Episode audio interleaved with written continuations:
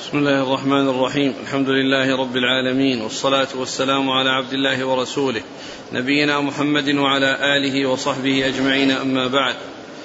فيقول الإمام مسلم بن الحجاج القشيري النيسابوري رحمه الله تعالى في كتابه المسند الصحيح قال وحدثنا أبو بكر بن أبي شيبة ومحمد بن رافع واللفظ لابن رافع قال حدثنا يحيى بن آدم قال حدثنا زهير عن سماك قال سألت جابر بن سمرة رضي الله عنه عن صلاة النبي صلى الله عليه وسلم فقال كان يخفف الصلاة ولا يصلي صلاة هؤلاء. كان. كان. كان يخفف الصلاة نعم. ولا يصلي صلاة هؤلاء. قال وأنبأني أن رسول الله صلى الله عليه وسلم كان يقرأ في الفجر بقاف والقرآن ونحوها. بسم الله الرحمن الرحيم. الحمد لله رب العالمين. وصلى الله وسلم وبارك على عبده ورسوله نبينا محمد وعلى آله وأصحابه أجمعين. أما بعد فهذا هذه الأحاديث تتعلق بالقراءة في صلاة الفجر وقد مر بعضها يعني في الدرس الماضي وهذا فيه يقول إنه كان يخفف الصلاة ولا يصلي صلاة هؤلاء. يعني الذين هم كأنه يشير إلى أنهم يطولون الصلاة. وقد سبق أن مر أن الرسول صلى الله عليه وسلم كان يعني يطيل يعني في الصلاة وأنه كان بعد ذلك كان يخفف وأنه بعد ذلك كان يخفف. والحديث سبق أن مر يعني عند الإمام مسلم رحمه الله. وذكر هذا الحديث أيضا الذي فيه أنه كان يقرأ عليه الصلاة والسلام بالفجر بقاف والقرآن المجيد وهذه من طوال من طوال المفصل. قاف والقرآن المجيد هي من طوال المفصل بل هي أول المفصل بل هي أول المفصل. نعم. قال وحدثنا أبو بكر بن أبي شيبة ومحمد بن رافع عن يحيى بن آدم عن زهير. زهير عن زهير عن عن سماك عن سماك. عن زهير بن كيف زهير هذا في الطبقة في الطبقة المتقدمة؟ فيه زهير بن حرب متأخر وزهير بن معاوية متأخر. يمكن ما أتذكر الآن من هو. نعم. زهير بن معاوية بن حديج الجعفي. زهير بن معاوية؟ أبو خثيمة أبو خيثمة الكوفي نزيل هو نفسه؟ نعم. هذا؟ هكذا قال الشيخ محمد آدم. لكن بس الإسناد. الإسناد.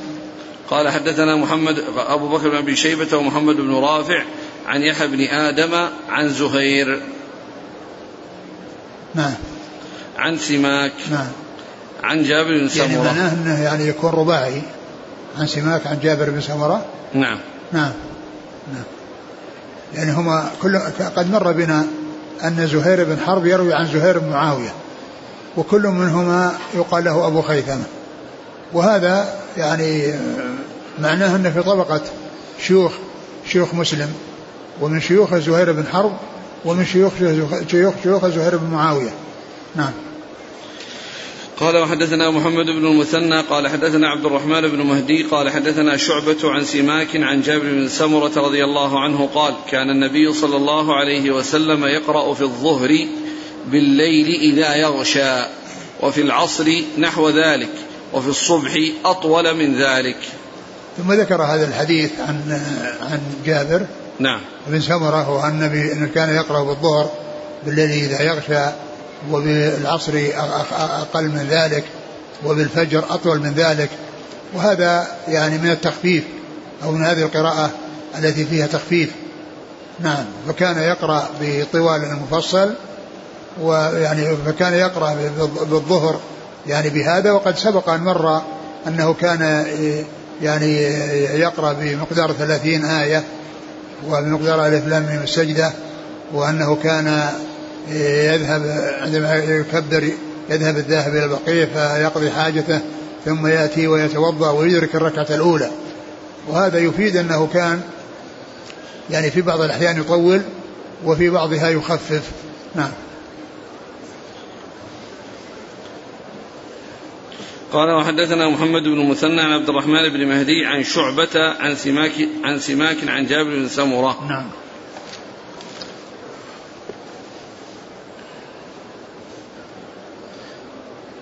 أحسن الله إليك بالنسبة لزهير. ها. هم في التقريب خمسة. ها. اتفق البخاري ومسلم على ثلاثة.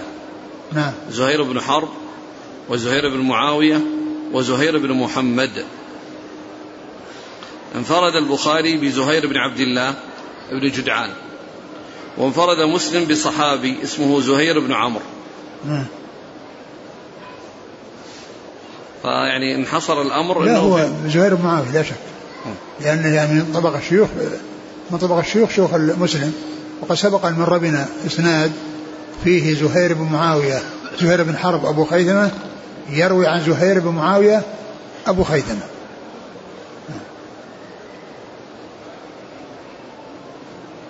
إيه بس هنا في ليس شيخ شيخ. فيه في الإسناد الذي مر إيه؟ ليس شيخ الشيخ. كيف؟ لأنه مسلم يروي عن أبي بكر بن أبي شيبة نعم. عن يحيى بن آدم عن زهير. لا لا إسناد آخر. لا أنتم هل معنى هذا؟ ها؟ هذا اللي معنى؟ إيه. اللي مر؟ اللي مر. إيه يعني بينه وبينها اثنين. نعم. اي نعم. إيه يمكن. لأن قضية ال ال ال الرواية يعني قد يعني الناس المتقاربين يروي بعضهم بعض. وقد يطول الإسناد وقد يقصر. نعم. وهو الآن يعني مقصود أنه غير هذا؟ لا لا هو كما قلتم. يقول يعني زهير ليس بلازم يكون في- في شيخ الشيخ. ليس بلازم. نعم ليس بلازم. نعم. نعم. قال حدثنا مر بنا إسناد فيه زهير بن حرب أبو خيثمة يروي عن أبي خيثمة زهير بن معاوية. قال وحدثنا أبو بكر بن أبي شيبة قال حدثنا أبو داود الطيالسي عن شعبة عن سماك عن جابر بن سمرة أن النبي صلى الله عليه وسلم كان يقرأ في الظهر بسبح اسم ربك الأعلى وفي الصبح بأطول من ذلك. وهذا مثل الذي قبله يعني لأن يسبح اسم ربك الأعلى مثله الذي إذا يغشى نعم. قال حدثنا أبو بكر بن أبي شيبة عن أبي داود الطيالسي. سليمان بن داود.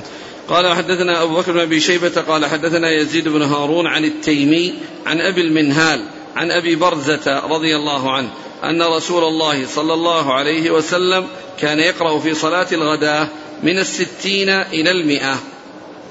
ثم ذكر هذا الحديث عن أبي برزة الأسلمي رضي الله عنه أن النبي صلى الله عليه وسلم كان يقرأ في صلاة الفجر بين الستين إلى المئة.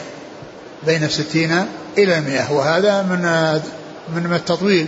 يعني في صلاة صلاة الفجر من الستين آية إلى مئة آية. يعني بين هذا وهذا. نعم. قال وحدثنا أبو بكر بن شيبة عن يزيد بن هارون عن التيمي سليمان بن طرخان عن أبي المنهال. وهو سلام وهو وهو سيار. سيار بن بن سلامة. سيار بن سلامة نعم. عن أبي برزة. وهو نضلة بن عبيد. قال وحدثنا أبو كريب قال حدثنا وكيع عن سفيان عن خالد الحذاء عن أبي المنهال عن أبي برزة الأسلمي رضي الله عنه قال كان رسول الله صلى الله عليه وسلم يقرأ في الفجر ما بين الستين إلى المئة آية. وهذا مثل الذي قبله. قال حدثنا أبو كريب محمد بن العلاء. عن وكيع بن الجراح. عن سفيان. الثوري. عن خالد الحذاء. نعم. قال حدثنا يحيى بن يحيى قال قرأت على مالك عن ابن شهاب عن عبيد الله بن عبد الله عن ابن عباس رضي الله عنهما أنه قال إن أم الفضل بنت الحارث رضي الله عنها سمعته وهو يقرأ والمرسلات عرفا. فقالت يا بني لقد ذكرتني بقراءتك هذه السورة إنها لآخر ما سمعت رسول الله صلى الله عليه وسلم يقرأ بها في المغرب. ثم ذكر هذا الحديث المتعلق بالقراءة في صلاة المغرب وهو أن عن أم الفضل بنت الحارث الهلالية وهي أم عبد الله بن عباس لأن لأن يعني أم الفضل هذه أم أولاده وأكبر أولاده وأكبر أولاده الفضل وهذا ابن عباس هو ابنها فكان يروي عن أم يعني آه، يروي عن أمه أنها سمعته يقرأ فقالت ذكرت أن قراءتك ذكرتني ذكرتني قراءة رسول الله صلى الله عليه وسلم وقد سمعته يقرأ بالمغرب في المرسلات عرفا سورة المرسلات. وهذا الحديث يدل على يعني قراءة مثل هذه السورة يعني في المغرب. وجاء في حديث بعد هذا أنه قرأ فيها بالطور وجاء أيضا أنه قرأ في المغرب بالأعراف وهي من أطول السور وهي طول الطوليين كما جاء ذلك في الحديث في صحيح البخاري. و وقد جاء أيضا في مسند الإمام أحمد يعني من حديث يعني آه، في حديث على شرط مسلم أنه كان يقرأ بالمغرب من قصار المفصل أنه كان يقرأ بالمغرب من قصار المفصل ودل هذا على أن يعني أنه يقرأ في الغالب في المغرب من قصار المفصل لقوله كان يقرأ في المغرب من قصار المفصل وأنه قد يقرأ بما هو أطول من ذلك مثل المرسلات والطور وبأطول من, من, من, من ذلك كثيرا وهي سورة الأعراف. نعم. قال حدثنا يحيى بن يحيى قال قرأت على مالك عن ابن شهاب عن عبيد الله بن عبد الله عن ابن عباس عن أم الفضل بنت بنت الحارث. نعم. قال حدثنا أبو بكر بن أبي شيبة عمرو الناقد قال حدثنا سفيان حا قال وحدثني حرملة بن يحيى قال أخبرنا ابن وهب قال أخبرني يونس حا قال وحدثنا إسحاق بن إبراهيم وعبد بن حميد قال أخبرنا عبد الرزاق قال أخبرنا معمر حا قال وحدثنا عمرو الناقد قال حدثنا يعقوب بن إبراهيم بن سعد قال حدثنا أبي عن صالح كلهم عن الزهري بهذا الإسناد وزاد في حديث صالح ثم ما صلى بعد حتى قبضه الله عز وجل. نعم وهذا يعني يفيد بأن هذا من آخر ما سمع أو آخر ما سمعته من رسول الله صلى الله عليه وسلم وهي آخر قراءة لرسول الله صلى الله عليه وسلم سمعتها هي هذه السورة وهو يقرأ بها في صلاة المغرب قال وهو وإيش؟ في آخره قال ثم ما صلى بعد حتى قبضه الله عز وجل. نعم يعني هذه آخر صلاة صلاها يعني في المغرب وقد سمعته سمعته أم الفضل يقرأ هذه السورة. نعم. تريد أنه إماما. إي نعم إمام لا شك إمام. يصلي بالناس المغرب. يصلي بالناس المغرب. قال حدثنا أبو بكر بن أبي شيبة عمر الناقد عن سفيان. آه الإسناد؟ إيه. الإسناد؟ أبو بكر بن أبي شيبة عمر الناقد عن سفيان. بن عيينة. قال حاء قال وحدثني حرملة بن يحيى عن ابن وهب. عبد الله بن وهب. عن يونس. بن يزيد الأيلي. حا قال وحدثنا إسحاق بن إبراهيم وعبد بن حميد عن عبد الرزاق عن معمر. بن راشد حا قال وحدثنا عمرو الناقد عن يعقوب بن إبراهيم بن سعد عن أبيه عن صالح. صالح بن كيسان. كلهم عن الزهري. نعم. قال حدثنا يحيى بن يحيى قال قرأت على مالك عن ابن شهاب عن محمد بن جبير بن مطعم عن أبيه رضي الله عنه قال سمعت رسول الله صلى الله عليه وسلم يقرأ بالطور في المغرب. ثم ذكر هذا الحديث عن جبير بن مطعم رضي الله عنه أنه سمع النبي صلى الله عليه وسلم يقرأ بالمغرب في الطور في سورة الطور. فدل هذا على أن أن, أن على قراءة مثل هذه السورة يعني في صلاة المغرب وهي من طوال المفصل وهي هذه السورة التي هي سورة الطور هي من طوال المفصل. والحديث جاء في وهذا الحديث آه، تحمله آه، جبير بن مطعم قبل إسلامه وكان يعني سماعه لقراءة هذه السورة يعني سببا في إسلامه. كما جاء في صحيح البخاري أنه قال سمعت النبي صلى الله عليه وسلم يقرأ بالطور وكان من أسارى بدر. كان من أسارى بدر وسمع النبي صلى الله عليه وسلم يقرأ بالطور قال فكاد قلبي أن يطير.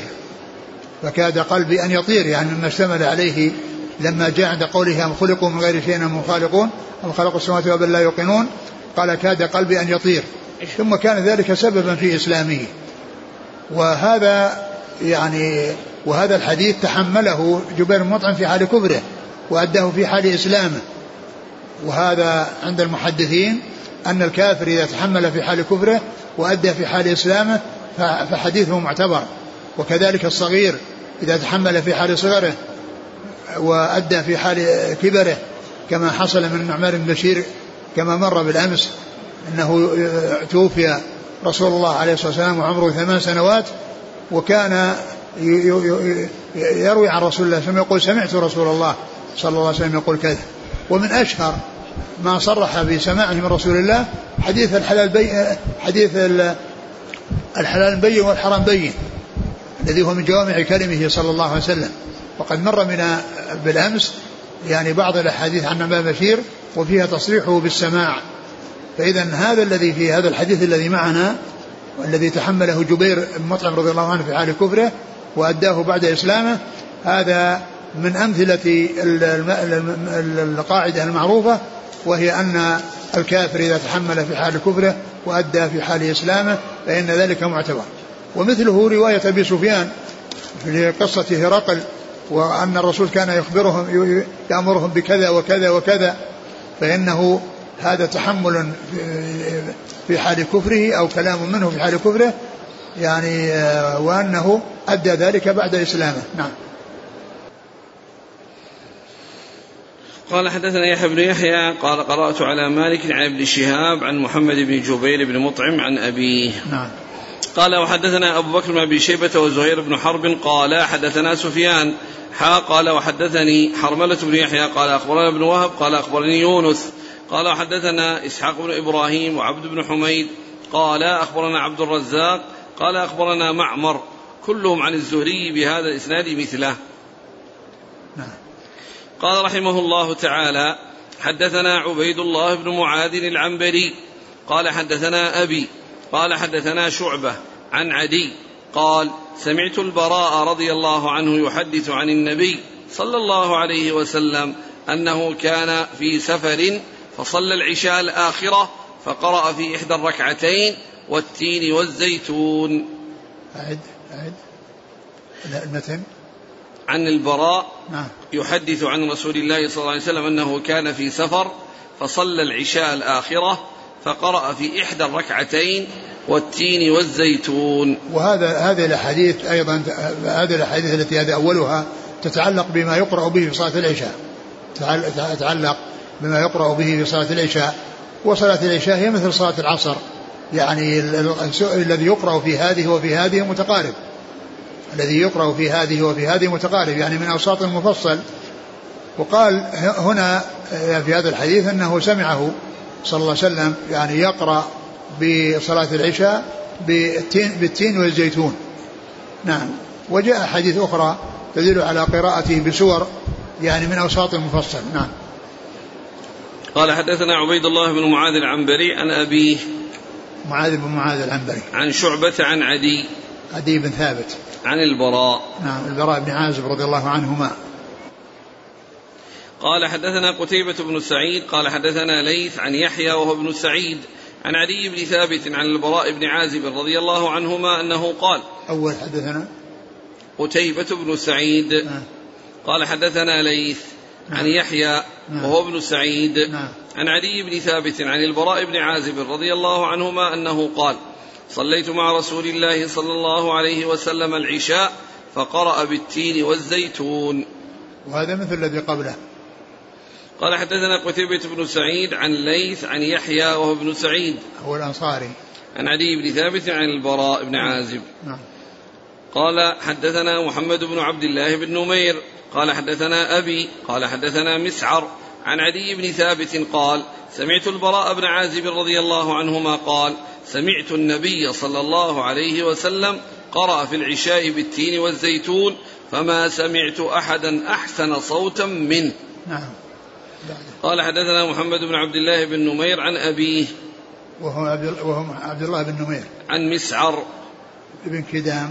قال حدثني محمد بن عباد قال حدثنا سفيان عن عمرو عن جابر رضي الله عنه قال كان معاذ رضي الله عنه يصلي مع النبي صلى الله عليه وسلم ثم يأتي فيؤم قومه فصلى ليلة مع النبي صلى الله عليه وسلم العشاء ثم أتى قومه فأمهم فافتتح بسورة البقرة فانحرف رجل فسلم ثم صلى وحده وانصرف فقالوا له أنافقت يا فلان؟ قال لا والله ولآتين رسول الله صلى الله عليه وسلم فلأخبرنه فأتى رسول الله صلى الله عليه وسلم فقال يا رسول الله إنا أصحابنا واضح نعمل بالنهار وإن معاذا صلى معك العشاء. ثم أتى فافتتح بسورة البقرة فأقبل رسول الله صلى الله عليه وسلم صلى الله عليه وسلم على معاذ فقال يا معاذ أفتان أنت؟ اقرأ بكذا واقرأ بكذا. قال سفيان فقلت لعمر إن أبا الزبير حدثنا عن جابر أنه قال اقرأ والشمس وضحاها والضحى والليل إذا يغشى وسبح اسم ربك الأعلى. فقال عمرو نحو هذا. ثم ذكر هذا الحديث الذي فيه يعني عن قصة معاذ بن جبل وأنه كان يصلي مع النبي صلى الله عليه وسلم في مسجده في هذا المسجد المبارك ثم يذهب إلى قومه فيصلي بهم. يعني تلك الصلاة ولكنه في مرة من المرات صلى العشاء مع النبي صلى الله عليه وسلم ثم ذهب إلى قومه وصلى بهم العشاء وقرأ أو بدأ بسورة البقرة. فكان من أحد الذين صلوا معه يعني صاحب حاجة ومن أهل النواضح اللي هي الإبل التي يسقى عليها وكانوا يعني يتعبون يعني في العمل في النهار. وهذا الذي هو معه طول وقرأها بدأ بهذه السورة الطويلة التي أطول سورة القرآن. يعني لا يدرى يعني كم آه، يعني قرأ منها ولكن يعني بدأه بها وكونه يعني شرع في قراءتها جعل هذا الرجل يعني يتخوف من من من من من, من طولها. فقطع الصلاة وصلى وحده ثم انصرف لحاجته. فقيل له أنا فقت يا فلان؟ فقال لا ولا وأنه سيخبر الرسول صلى الله عليه وسلم بذلك. فأخبره. وبعد ذلك يعني عنف معاذا وعاتبه وقال أفتان أنت يا معاذ؟ أفتان أنت يا معاذ؟ يعني ألا قرأت بكذا وكذا؟ ثم نعم اقرأ. بكذا, بكذا وكذا. ثم ذكر بعد ذلك أمثلة من هذا الذي أبهمه الرسول عليه الصلاة والسلام وهو مثل الشمس وضحاها والليل إذا يغشى وسبح اسم ربك الأعلى و الضحى والضحى نعم وهذا الحديث الذي حديث معاذ فيه اقتداء المفترض بالمتنفل لأن معاذا صلى مع النبي صلى الله عليه وسلم الفرض. وصلى بأصحابه أو بجماعته يعني وهو متنفل وهم مفترضون. فدل هذا على جواز يعني صلاة المفترض خلف المتنفل.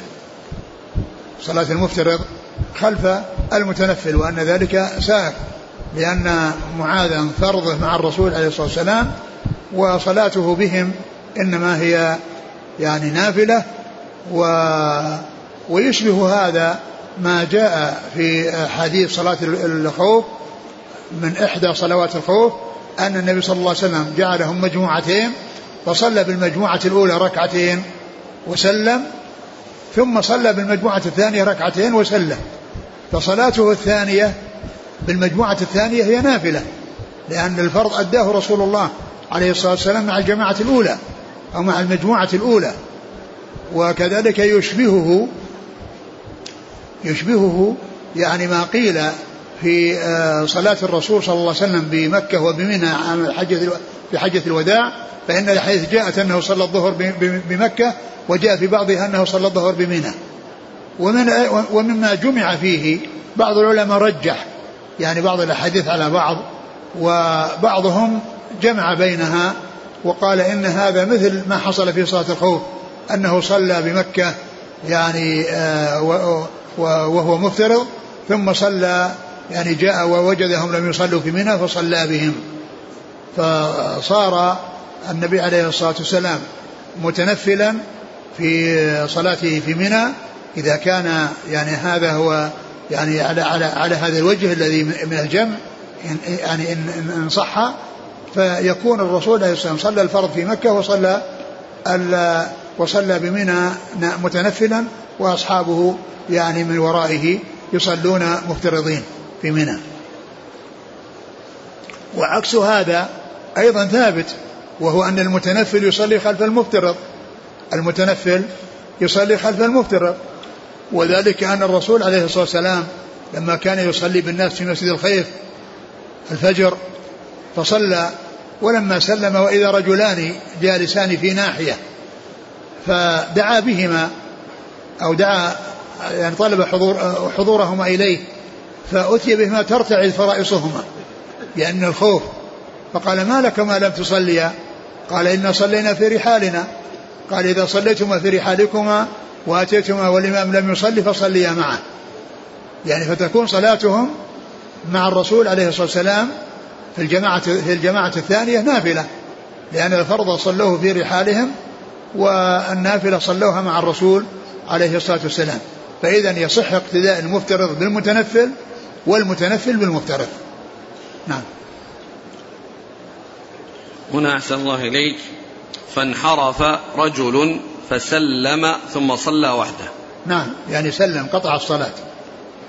يعني ومعناه أنه صلى وحده. لا لا لا. هل يؤخذ منه أن الإنسان إذا أراد أن يقطع صلاته يقطعها بتسليم؟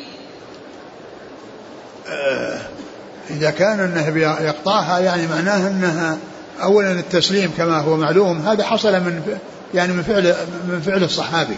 ولكن الذي يبدو أنه يعني يتركها يعني ويعني يعني يذهب بدون أن يسلم لأن التسليم إنما يكون عند نهايتها.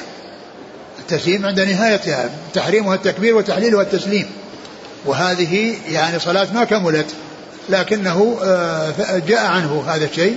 ومعلوم أن أنه يمكن أن يحصل يعني يعني هذا الفعل بأن يقطعها ويصلي وحده أو أنه يعني ينفصل عنه ويعني يصلي بقية صلاته ويسلم. نعم.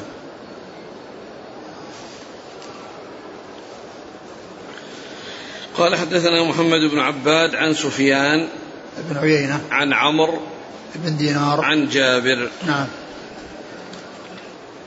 قال وحدثنا قتيبة بن سعيد قال حدثنا ليث حا قال وحدثنا ابن رمح قال أخبرنا الليث عن أبي الزبير عن جابر رضي الله عنه أنه قال صلى معاذ بن جبل رضي الله عنه صلى معاذ بن جبل الأنصاري لأصحابه العشاء فطول عليهم فانصرف رجل منا فصلى فأخبر معاذ عنه فقال إنه منافق فلما بلغ ذلك الرجل دخل على رسول الله صلى الله عليه وسلم فأخبره.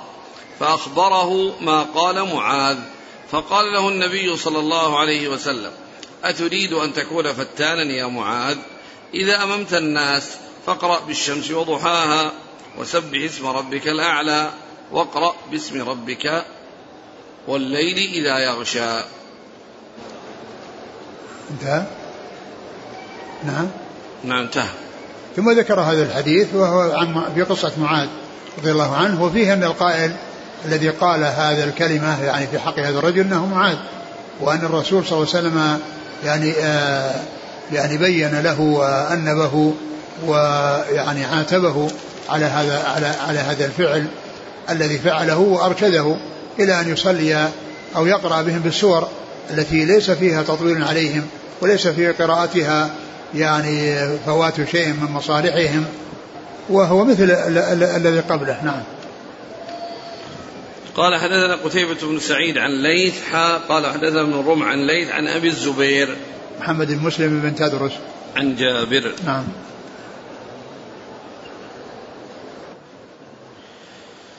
قال حدثنا يحيى بن يحيى قال أخبرنا هشيم عن منصور عن عبد بن دينار عن جابر رضي الله عنه جابر بن عبد الله أن معاذ بن جبل رضي الله عنه كان يصلي مع الرسول صلى الله عليه وسلم العشاء الآخرة ثم يرجع إلى قومه فيصلي بهم تلك الصلاة. ثم ذكر هذا الحديث مختصرا وأنه كان يصلي يعني مع رسول الله صلى الله عليه وسلم العشاء وأنه يرجع إلى قومه فيصلي بهم تلك الصلاة. يعني التي هي العشاء يصلي متنفل وهم مفترضون نعم قال حدثنا يحيى بن يحيى عن هشيم بن بشير الواسطي عن منصور ابن المعتمر عن عمرو بن دينار عن جابر. نعم. قال حدثنا قتيبة بن سعيد وأبو الربيع الزهراني. قال أبو الربيع الإسناد اللي راح نعم. الإسناد اللي راح يحيى بن يحيى عن هشيم عن منصور عن عمرو بن دينار. يعني هنا ذكر ثلاثة. يعني بين مسلم وبين عمرو بن دينار. والإسناد الذي قبل الذي قبل هذا الذي مر قريبا يعني يعني فيه ذكر ذكر اثنين قبل عمرو بن دينار. يعني معنى ذلك أن الأسانيد يعني أحيانا يكون فيها طول وفيها قصر يعني بسبب يعني العلو والنزول وأن الإنسان قد يروي عنه ومن هو في طبقته فيطول الإسناد وقد يعني يعلو الإسناد بأن تقل الوسائط التي بينه وبين يعني بالنسبة للإسناد بأكمله بين المحدث ورسول الله صلى الله عليه وسلم أو يعني يكون بين بين المحدث صاحب الكتاب وبين رجل في الإسناد. نعم كعمرو بن دينار هنا. نعم.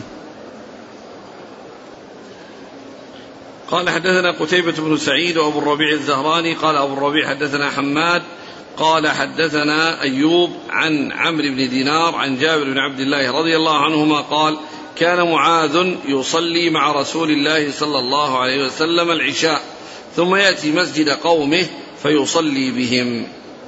وهذا مثل الذي قبله. قال حدثنا قتيبة بن سعيد وأبو الربيع الزهراني. هو هو آه، أبو الربيع الزهراني سليمان بن داود. عن حماد بن زيد. عن أيوب بن أبي تيمية السختياني. عن عمرو بن دينار عن جابر. نعم. قال رحمه الله تعالى وحدثنا يحيى بن يحيى. قال أخبرنا هشيم عن إسماعيل بن أبي خالد عن قيس عن أبي مسعود الأنصاري رضي الله عنه. قال جاء رجل إلى رسول الله صلى الله عليه وسلم فقال إني لأتأخر عن صلاة الصبح من أجل فلان مما يطيل بنا. فما رأيت النبي صلى الله عليه وسلم غضب في موعظة قط أشد مما غضب يومئذ. فقال يا أيها الناس إن منكم منفرين فأيكم أما الناس فليوجز فإن من ورائه الكبير والضعيف وذا الحاجة.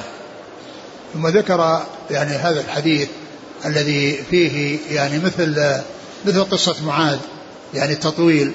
فجاء إلى النبي صلى الله عليه وسلم رجل وقال إني أتأخر عن صلاة الفجر عن صلاة الغداة من أجل فلان الذي هو الإمام الذي يصلي بهم من أجل مما يطيل بنا. فالرسول عليه السلام غضب قال ما رأيته غضب مثل هذا الغضب؟ وقال يا إن في منكم منفرين فأيكم أما الناس فليخفف فإن فيهم الصغير والكبير. وذا الحاجة؟ نعم. نعم. قال حدثنا يحيى بن يحيى عن هشيم عن إسماعيل بن أبي خالد عن قيس. قيس بن أبي حازم وهذا من المخضرمين الذين أدركوا الجاهلية والإسلام ولم يلقوا النبي صلى الله عليه وسلم.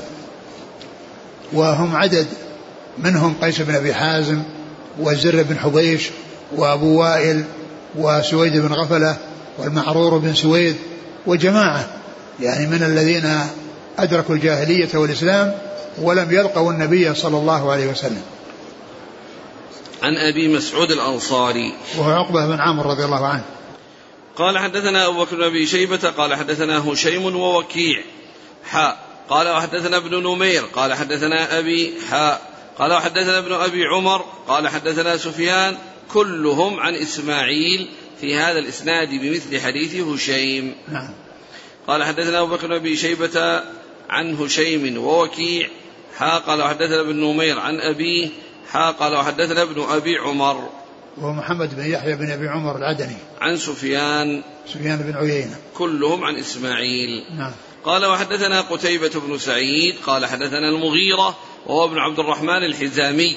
عن أبي الزناد عن الأعرج عن أبي هريرة رضي الله عنه أن النبي صلى الله عليه وسلم قال إذا أما أحدكم الناس فليخفف فإن فيهم الضعيف والكبير فإن فيهم الصغير والكبير والضعيف والمريض. فإذا صلى وحده فليصلي كيف شاء.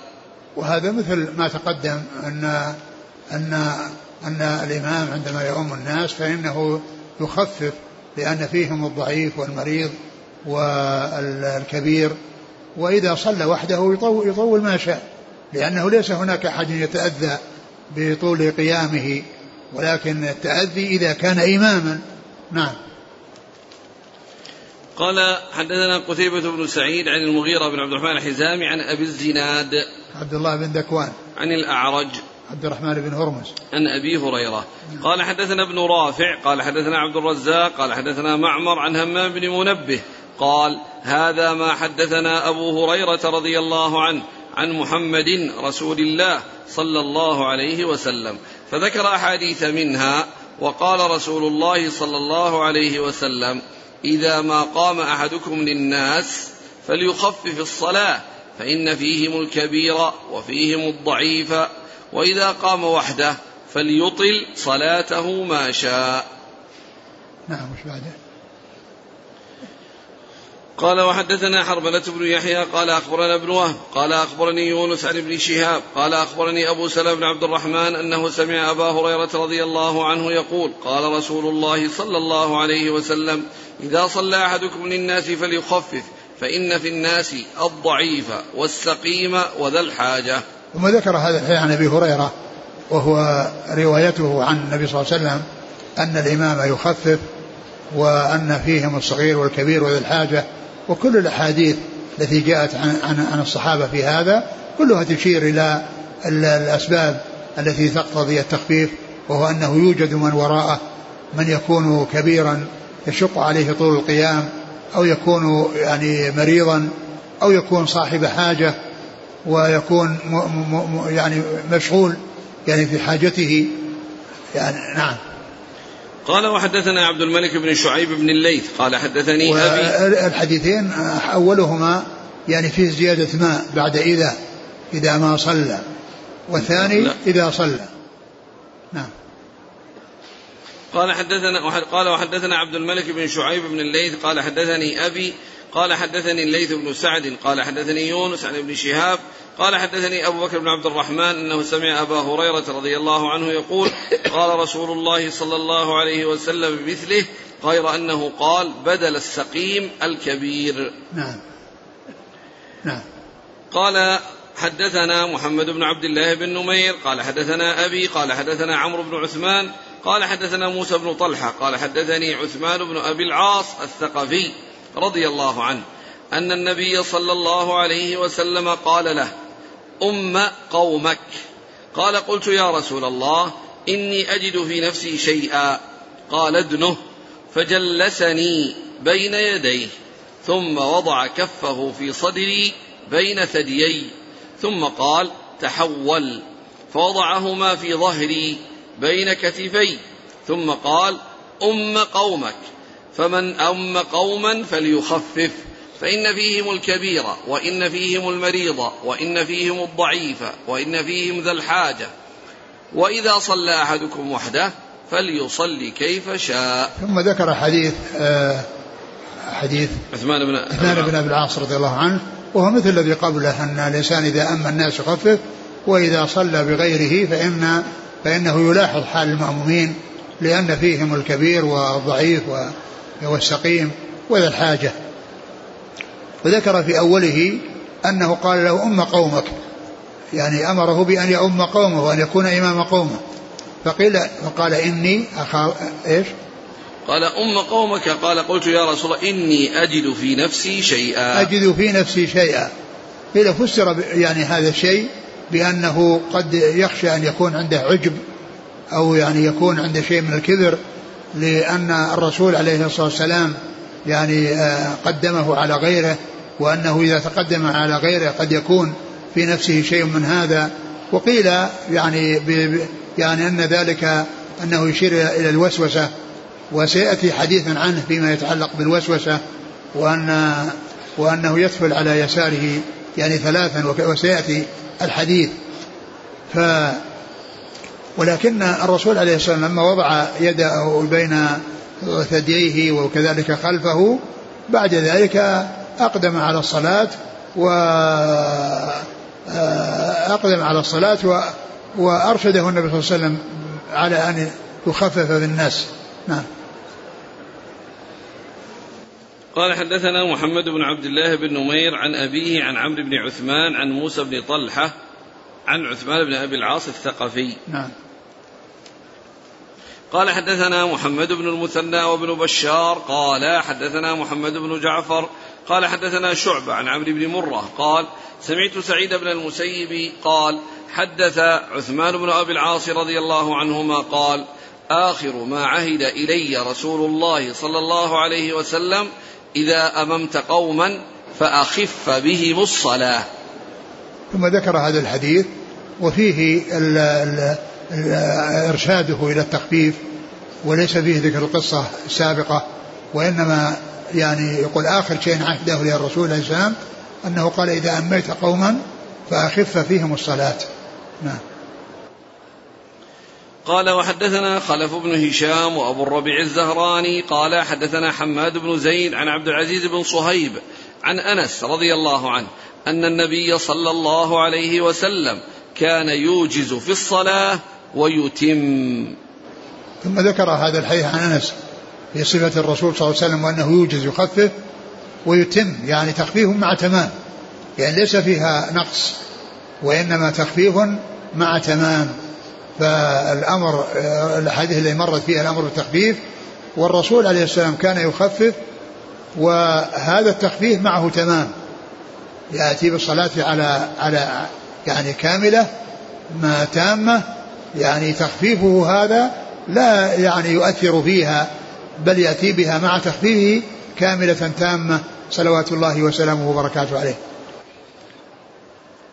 قال حدثنا يحيى بن يحيى وقتيبة بن سعيد. قال يحيى أخبرنا وقال قتيبة حدثنا أبو عوانة عن قتادة عن أنس رضي الله عنه أن رسول الله صلى الله عليه وسلم كان من أخف الناس صلاة في تمام. وهذا مثل الذي قبله. قال وحدثنا يحيى بن يحيى ويحيى بن أيوب وقتيبة بن سعيد وعلي بن حجر. قال يحيى بن يحيى أخبرنا. وقال الآخر وقال الآخرون حدثنا إسماعيل يعنون ابن جعفر عن شريك بن عبد الله بن أبي نمر عن أنس بن مالك رضي الله عنه أنه قال ما صليت وراء إمام قط أخف صلاة ولا أتم صلاة من رسول الله صلى الله عليه وسلم. وهذا مثل الذي قبله. قال وحدثنا يحيى بن يحيى. قال أخبرنا جعفر بن سليمان عن ثابت البناني عن أنس رضي الله عنه.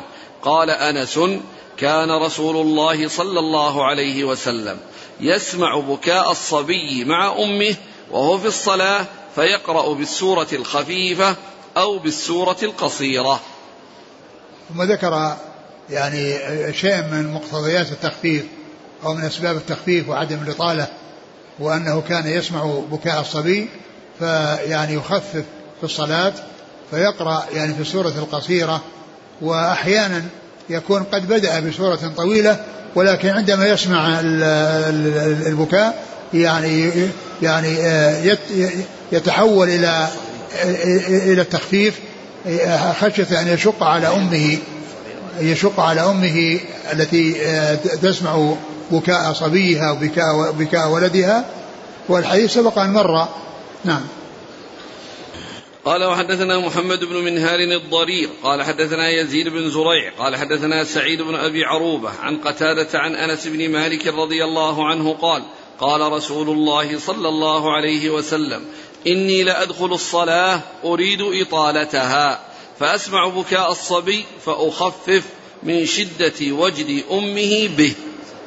وهذا يعني آه، من أسباب آه، كما أشرت وقد سبق أن مر الحديث وأنه كان يريد يدخل الصلاة يريد إطالتها ثم يسمع بكاء الصبي فيخفف الصلاة من أجل وجد أمه يعني به وشفقتها عليه وانشغالها به لكونها تسمعه يصيح.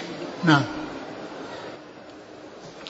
قال رحمه الله تعالى وحدثنا حامد بن عمر البكراوي وأبو كامل فضيل بن حسين الجحدري كلاهما عن أبي عوانة. قال حامد حدثنا أبو عوانة.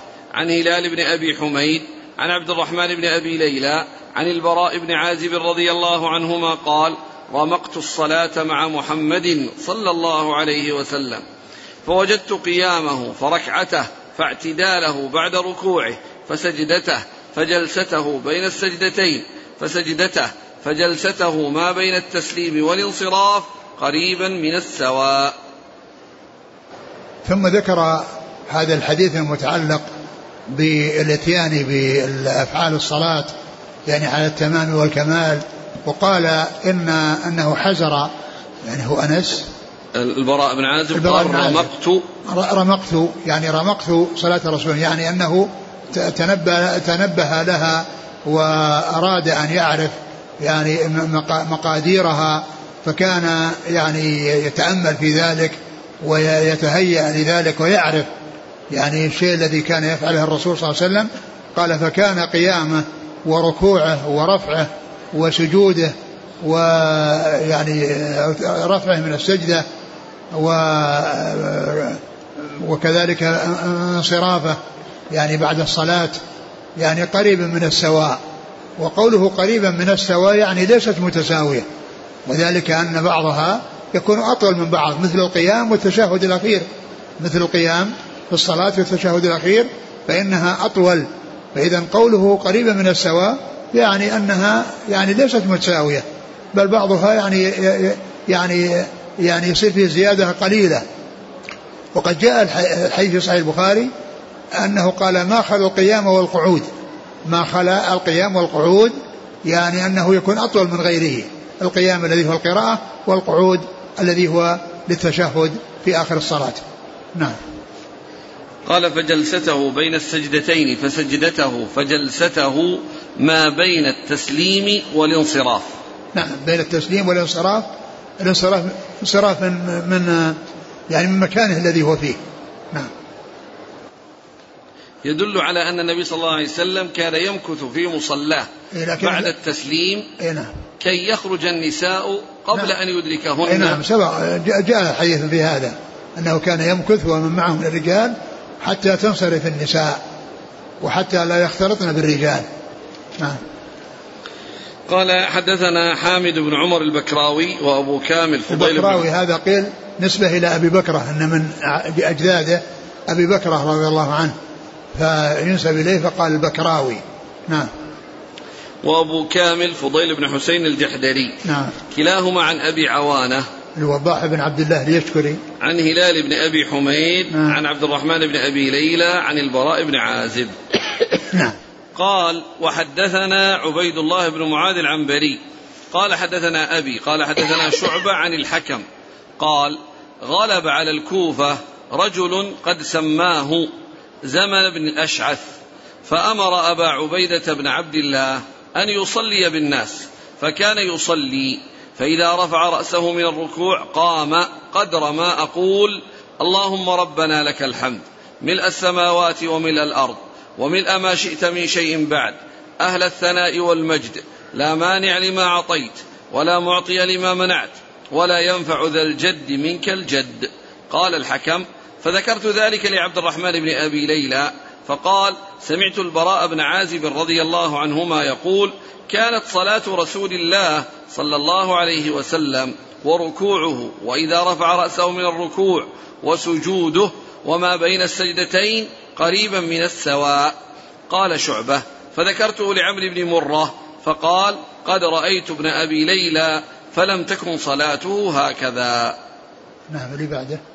قال حدثنا محمد بن المثنى وابن بشار قال حدثنا محمد بن جعفر قال حدثنا شعبة عن الحكم أن مطر بن ناجية لما ظهر على الكوفة أمر أبا عبيدة أن يصلي بالناس وساق الحديث. ثم ذكر هذا الحديث عن عن الحكم آه، بن عتيبة الحكم بن عتيبة عن قال غلب لكن الحديث قال غلب على الكوفة يعني رجل يقال له رجل سماه. هنا قال يعني سماه ولم يذكر ولكنه في الرواية الثانية سماه وأنه مطر بالناجية. يعني في الأولى أبهمه وفي الثانية سماه. وهذا الرجل أمر أبا عبيدة بن عبد الله بن مسعود أن يصلي بالناس. فكان ذكر أنه بعد ركوعه يعني اللي هو أبو عبيدة يعني يقول يقول قال قدر ما أقول اللهم ربنا لك الحمد ملء السماوات وملء الأرض وملء ما شئت من شيء بعد أهل الثناء والمجد. لا مانع لما أعطيت ولا معطي لما منعت ولا ينفع ذا الجد منك الجد. يعني أنه يطيل أنه يطيل يعني يعني هذا الذي بين بعد الركوع. وقد جاء هذا الدعاء في حديث سيأتي مرفوعا عن أبي سعيد الخدري. يعني كونه يقول بعد الركوع يعني هذا الكلام هذا الذي نسبه إلى الذي قال عنه أنه قدر ما أقول كذا وكذا يعني جاء مرفوعا إلى رسول الله عليه الصلاة والسلام في الأبواب الآتية. نعم. قال إيش؟ بعده. قال الحكم فذكرت ذلك لعبد الرحمن بن أبي ليلى فقال سمعت البراء بن عازب يقول كانت صلاة رسول الله صلى الله عليه وسلم وركوعه وإذا رفع رأسه من الركوع وسجوده وما بين السجدتين قريبا من السواء. وهذا وهذا المقصود من إرادة يعني في هذا الباب. أو هذا الموضع الذي هو ما يتعلق بتقارب أفعاله صلى الله عليه وسلم وأنها قريبة من السواء وإن لم تكن كذلك على حد سواء. نعم. قال الشعبة فذكرته لعمرو بن مرة فقال قد رأيت ابن أبي ليلى فلم تكن صلاته هكذا. أي نعم. يعني ما كان يطيل؟ نعم. قد رأيت ابن أبي ليلى. هو في الإسناد ذكر ابن أبي ليلى؟ نعم. نعم. قال لا. في الإسناد فذكرت ذا نعم. قال قال قال الحكم فذكرت ذلك لعبد الرحمن بن أبي ليلى. فقال سمعت البراء بن عازب يقول كانت صلى الله عليه وسلم وركوعه ورفعه بين السجدتين قريبا السواء نعم. فذكرته لعمرو بن مرة فقال قد رأيت ابن أبي ليلى فلم تكن صلاته هكذا. آه كما هو معلوم يعني هنا هذا كلام يعني آه الذي قال هذا هو عبد الرحمن بن أبي ليلى. قال عمرو بن مرة فرأيته ولم تكن هكذا يعني أنه ليست قريب من يعني معناه أنه كان يطول. لعله أنه كان يطول. نعم.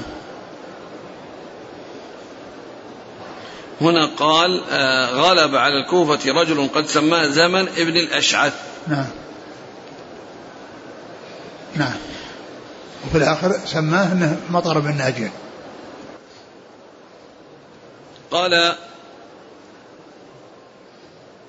قال حدثنا خلف بن هشام قال حدثنا حماد بن زيد عن ثابت عن أنس قال إني لا آل أن أصلي بكم كما رأيت رسول الله صلى الله عليه وسلم يصلي بنا.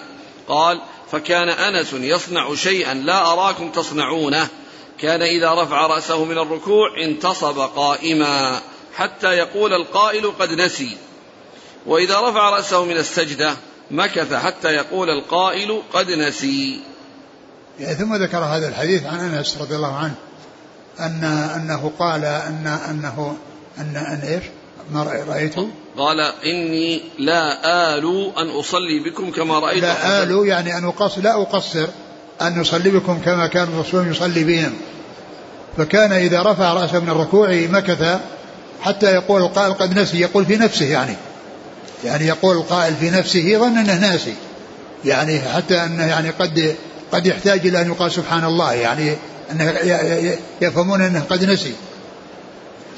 وهذا وهذا بين بين بعد الركوع وبين وبين السجدتين. يعني أنه يعني يحصل منه الإطالة حتى يقول القائل في نفسه يعني في نفسه. ما يقول يتكلم أنه قد نسي وإنما هذا يقوله في نفسه. نعم. ومعناه أنه يطيل يعني في هذين الموضعين ونسب ذلك إلى الرسول صلى الله عليه وسلم. نعم. قال وحدثني أبو بكر بن نافع العبدي. وهذا يوضح يعني قوله قوله قريب من السواء. يعني إنه يعني يحصل منه بعد الركوع يعني مثل هذه الإطالة. نعم. قال حدثني أبو بكر بن نافع العبدي. قال حدثنا بهز قال حدثنا حماد قال أخبرنا ثابت. عن أنس رضي الله عنه قال ما صليت خلف أحد اوجز صلاة من صلاة رسول الله صلى الله عليه وسلم في تمام. كانت صلاة رسول الله صلى الله عليه وسلم متقاربة وكانت صلاة أبي بكر رضي الله عنه متقاربة. فلما كان عمر بن الخطاب رضي الله عنه مد في صلاة الفجر وكان رسول الله صلى الله عليه وسلم إذا قال سمع الله لمن حمده قام حتى نقول قد أوهم. ثم يسجد ويقعد بين السجدتين حتى نقول قد أوهم. أعد الأخير. وكان كان رسول الله صلى الله عليه وسلم إذا قال سمع الله لمن حمده قام حتى نقول قد أوهم. ثم يسجد ويقعد بين السجدتين حتى نقول قد أوهم. وهذا الذي ذكره أنس فيما تقدم أنه قد يقول قائل قد نسي يعني وهذا من فعل أنس وقال لا أعلو أن أصلي بكم صلاة رسول الله. يعني هنا يعني أضاف إلى الرسول أضيف إلى الرسول صلى الله عليه وسلم مثل هذا الذي أضيف إلى أنس وهو أن أنه يعني أن صلى الله عليه وسلم عندما يرفع رأسه من الركوع يعني يبقى حتى يقول حتى يقول قد أوهم يعني أنه قد نسي. نعم. قال حدثنا أبو بكر بن نافع العبدي نعم. عن بهز بن أسد. عن حماد نعم بن سلمة. عن ثابت بن أسلم. عن أنس. نعم. قال رحمه الله تعالى حدثنا أحمد بن يونس. قال حدثنا زهير. قال حدثنا أبو إسحاق.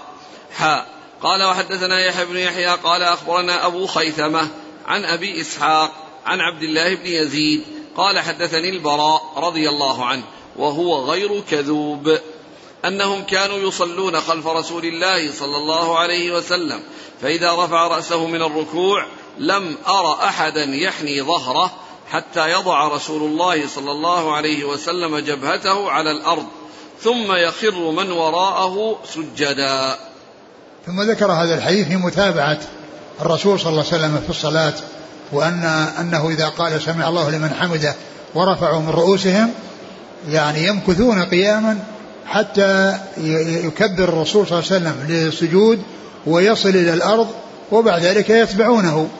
يعني فلا يعني فلا يوافقونه. فلا يوافقونه ولا يتأخرون عنه ولا يسابقونه. وإنما اذا يعني نزل للركوع للسجود يعني بعد أن قام بين بعد الركوع يعني يقفون هم حتى يصل إلى الأرض وحتى يعني تصل جبهته إلى الأرض صلوات الله وسلامه وبركاته عليه ثم يتبعونه بالسجود فيهوون للسجود. نعم. قال حدثنا أحمد بن يونس عن زهير. أحمد بن يونس هذا هو الذي مر أن الإمام أحمد قال في شيخ الإسلام أحمد بن عبد الله بن يونس وزهير هذا هو بن معاوية. لأنه يعني في طبقه شيوخ شيوخ مسلم وفي الرواية الثانية قال أبو خيثمة يعني ذكر ذكره بكنيته. نعم. عن زهير عن؟ عن أبي إسحاق. عن أبي إسحاق وهو الشيباني وهو سليمان بن أبي سليمان. قال وحدثنا يحيى بن يحيى قال أخبرنا أبو خيثم عن أبي إسحاق عن عبد ذكره بكنيته الذي هو الذي هو الذي مر زهير. يعني بمعاوية. نعم ذكره اولا في الاسناد الأول باسمه وفي الاسناد الثاني بكنيته. نعم. عن عبد الله بن يزيد. عبد الله بن يزيد هو يعني آه، الخطمي الصحابي. نعم صحابي صغير. نعم. عن البراء. نعم. قال وهو غير كذوب. وهو غير كذوب. يعني هذا يعني يقوله يعني عبد الله بن زيد عبد الله بن يزيد. يزيد قال حدث البراء وهو غير كذوب. والمقصود من ذلك ليس مقصود التزكية فالصحابة لا يحتاجون لتزكية وإنما تزكية الله عز وجل. قول الصحابي عبد الله بن يزيد رضي الله تعالى عنه وهو صحابي صغير في روايته عن البراء بن عازب وهو أحد الصحابة الكبار رضي الله تعالى عنه وأرضاه.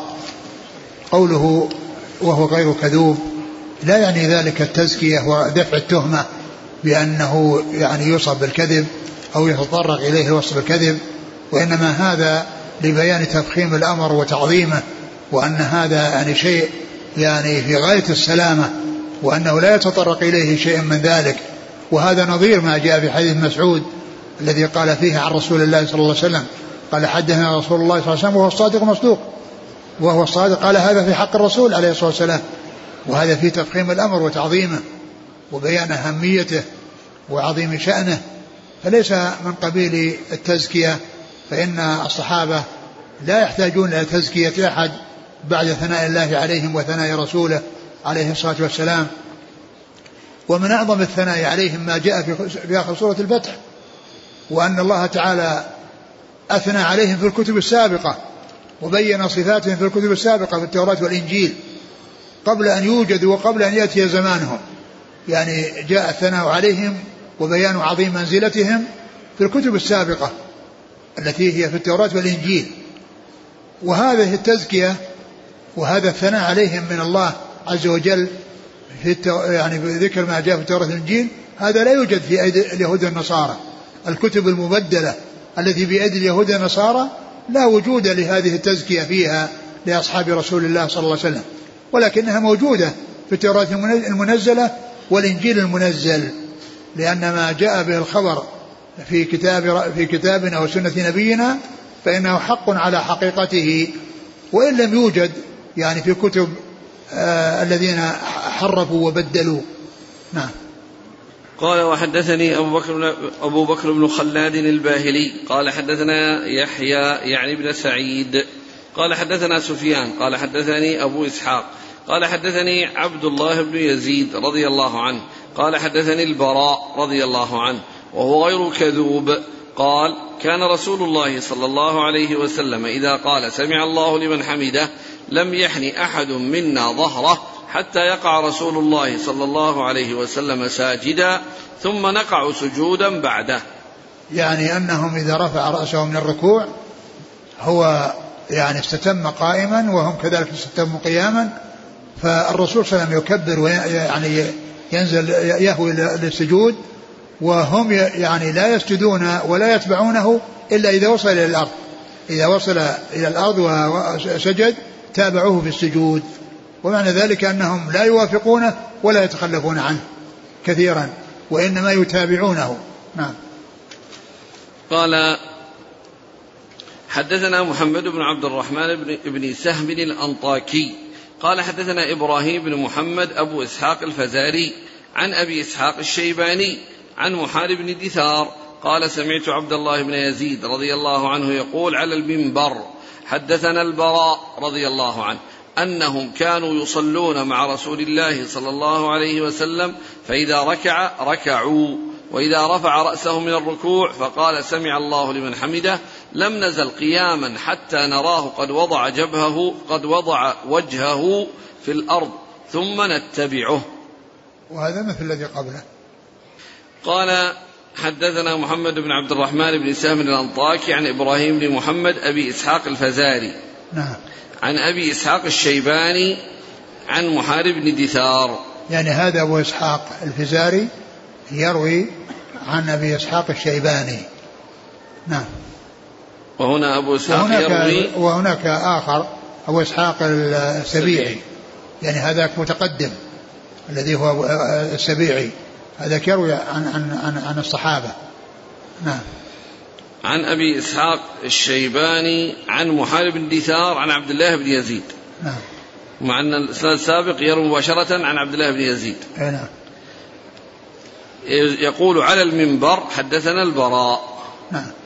قال حدثنا زهير بن حرب وابن نمير. قال حدثنا سفيان بن عيينة. قال حدثنا أبان وغيره عن الحكم عن عبد الرحمن بن أبي ليلى عن البراء رضي الله عنه قال كنا مع النبي صلى الله عليه وسلم لا يحنو أحد منا ظهره حتى نراه قد سجد. فقال زهير حدثنا سفيان. قال حدثنا الكوفيون. أبان وغيره قال حتى نراه يسجد. وهذا مثل الذي قبله. قال حدثنا زهير بن حرب. نعم. وابن نمير. نعم. عن سفيان بن عيينة. عن أبان. عن, عن سفيان؟ عن عن سفيان بن عيينة. نعم. عن أبان وغيره. أبان بن تغلب. نعم. عن الحكم. بن عتيبة. عن عبد الرحمن بن أبي ليلى عن البراء. نعم. قال زهير حدثنا سفيان قال حدثنا الكوفيون أبان وغيره. يعني هناك ذكر أبان قال أبان وغيره في الإسناد الأول. نعم. إيه، وهنا يعني يعني وضح أن أن أنهم الكوفيون يعني أبان وغيره. نعم. قال حدثنا محرز بن عون ابن أبي عون. قال حدثنا خلف بن خليفة الأشجعي أبو أحمد عن الوليد بن سريع مولى آل عمرو بن حريث. عن عمرو بن حريث رضي الله عنه قال صليت خلف النبي صلى الله عليه وسلم الفجر فسمعته يقرأ فلا أقسم بالخنس الجوار الكنس. وكان لا يحني رجل منا ظهره حتى يستتم ساجدا. وهذا مثل الذي قبله أورده من أجل الجملة الأخيرة. وأما الجملة الأولى التي هي كون يقرأ بسورة التكوير فإن هذا قد مر يعني في آه يعني في فيما مضى ولكنها أورد هنا من أجل آه، المتابعة وأنهم إذا قاموا من الركوع يقفون حتى يصل الرسول صلى الله عليه وسلم إلى الأرض ويعني يسجد يسجد ويصل الأرض ثم يتبعونه. فالأحاديث كلها بمعنى واحد. نعم. قال حدثنا محرز بن عون بن أبي عون. نعم. عن خلف بن خليفة الأشجعي نعم. أبي أحمد. نعم. عن الوليد بن سريع. نعم. مولى آل عمرو بن حريث. عن عمرو بن حريث. نعم. باب ما يقول إذا رفع رأسه من الركوع. والله تعالى أعلم وصلى الله وسلم وبارك على عبده ورسوله نبينا محمد وعلى آله وأصحابه أجمعين. جزاكم الله خيرا وبارك الله فيكم. ألهمكم الله الصواب وفقكم للحق شافاكم الله وعافاكم ونفعنا الله ما سمعنا وغفر الله لنا ولكم. وللمسلمين أجمعين آمين آمين. يقول السائل هل تطويل الإمام للصلاة عذر لترك الجماعة؟ آه إذا كان إذا كان في جماعة أخرى يعني لا يحصل يعني منهم التطويل وذهب إليهم لا شك أن هذا أن هذا أن هذا مطلوب. ولكن على على الأئمة ألا يكونوا سببا في تخلف الناس عن عن الجماعة. نعم. يقول عندنا مسجد في بلدنا القيم عليه رجل الذي بناه وهو قائم عليه صوفي. يقول للإمام اقرأنا اقرأ بنا بالتقصير بصلاة قصيرة أو قراءة قصيرة دائما. نصحناه لكن دون جدوى علما بأنه هو الذي قام على بناء المسجد. كيف نتعامل معه؟ هل نترك الصلاة في ذلك المسجد؟ إيش يقول السؤال؟ إيش سوى؟ عندهم مسجد. لا تقصير وش يقول؟ هو يقول هذا اللي بنى المسجد يقول للإمام صل بنا واقرأ قراءة قصيرة. آه. نصحناه. إذا أتى بقراءة يعني فيها تخفيف مثل صلاة العشاء يعني يقرأ بهم أو يقرأ مثل سورة التكوير في الفجر أو غيرها مما جاء عن رسول الله صلى الله عليه وسلم هذا يعني لا يعتبر يعني لا يعتبر شيء من, التطويل يأتون بمثل هذه السور التي جاءت بها السنة ويخبرونه بأن هذا هو الذي ثبت.